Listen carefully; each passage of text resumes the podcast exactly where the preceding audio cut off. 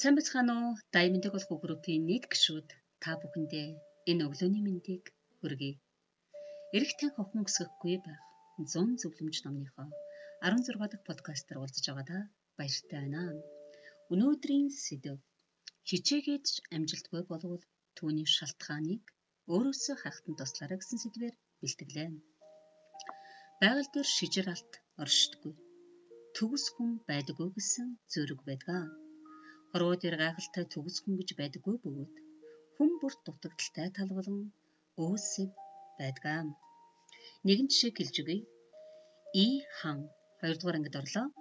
Ээж нь маш завгүй учраас эмийн түүний аж амьдрал болоод хичээл сурлагдана хаарч санаа тавьдаг байлаа. Нэг удаа эмийн чухал ажлаар хөдөө яваад ирэх зур И хан гэрийн даалгавраа мартах эсвэл хичээлээ орхин явах зэрэг асуудлууд олон гарчээ. Ийхан хичээлээд харан гэртээ ирээд ууртаагаар ээжтэй. Бүгд эмээгс болж байгаа юм. Эмээ нутг руугаа яваагүй бол би гэрийн даалгавраа мартахгүй байх байсан юм. Таач бас надад яагаад сануулаагүй юм. Тэрнээс чинь болж багштай зөндөө загнууллаа гэж хэлв.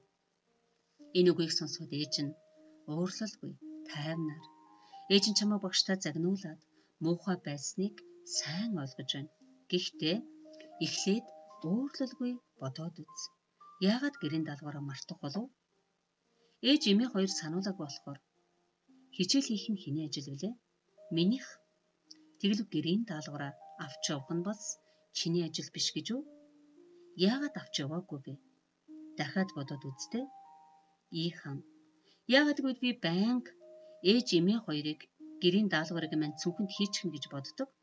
Би нэг ч удаа өөрөө хийж байгаагүй. Тийм болохоор та хоёр надад туслаагүй учраас би мартчихгүй юу гэж хариулав.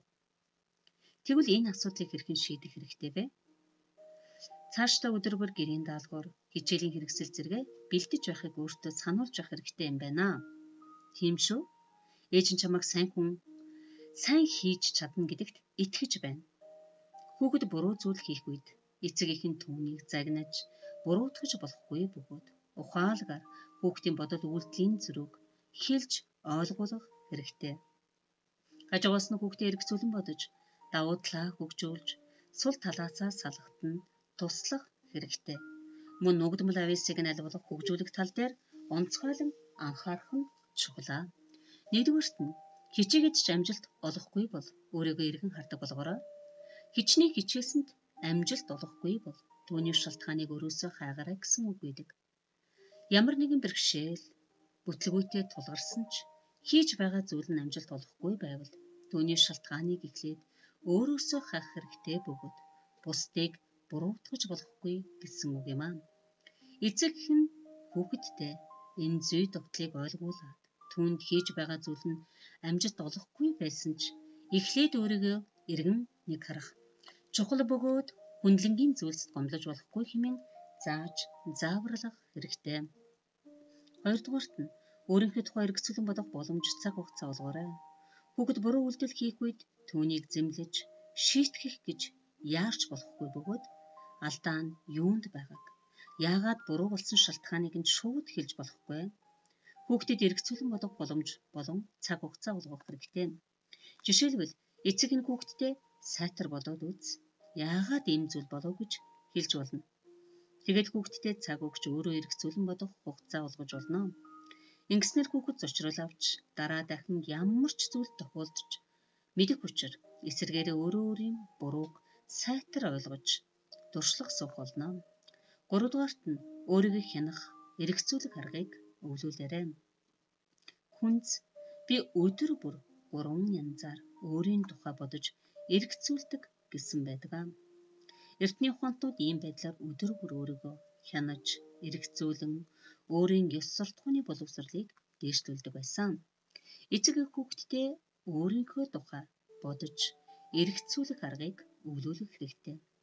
Өдөр бүр өөрийн сэтгэл санааг таавшруулад дараа нь бүхий л хэлсэн үг, хийсэн үйлдэлүүдээ эргэн санаж ямар нэгэн алдаа байгаа эсхийг нэгтлэн үзнэ.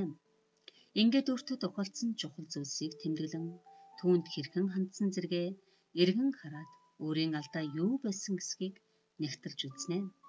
Дөрөвдүгüрт нь өөрийн тухай эргэцүүлэн бодсны дараа Алдаагаа айлгуулах, урд нь засаж залруулдаг болгоорой. Хүүхэд өөрийгөө ажиглан өөрийнхөө үг, үйлдэлийг эргцүүлэн бодсноор алдаагаа болоод зогсохгүй түүнийг хэрхэн засаж залруулах харгын талаарч боддог болно. Хүүхдтэйгээ хамтдаа төлөвлөгөө гаргаад үзэх нь зүйтэй аа. Жишээлбэл алдаагаа хэрхэн засаж болох, цаг хугацаа хэр зэрэг зарцуулах зэргийг нь бодолцож үзэх хэрэгтэй. Түүний дараагаар эцэг нь үеийг хүүхдтэй сануулж туслах хэрэгтэй. Ингэснээр хүүхэд үнэнчээр алдаагаа засаж хөгжин зөв хүн болж өсөх болно. Өгөр өнөөдрийн подкаста өндөрлөж байна. Анхаар тавь сонсон та бүхэндээ чин сэтгэлээсээ талархлаа илэрхийлье. Дараагийн подкастаар уулзтлаа түр баяртай.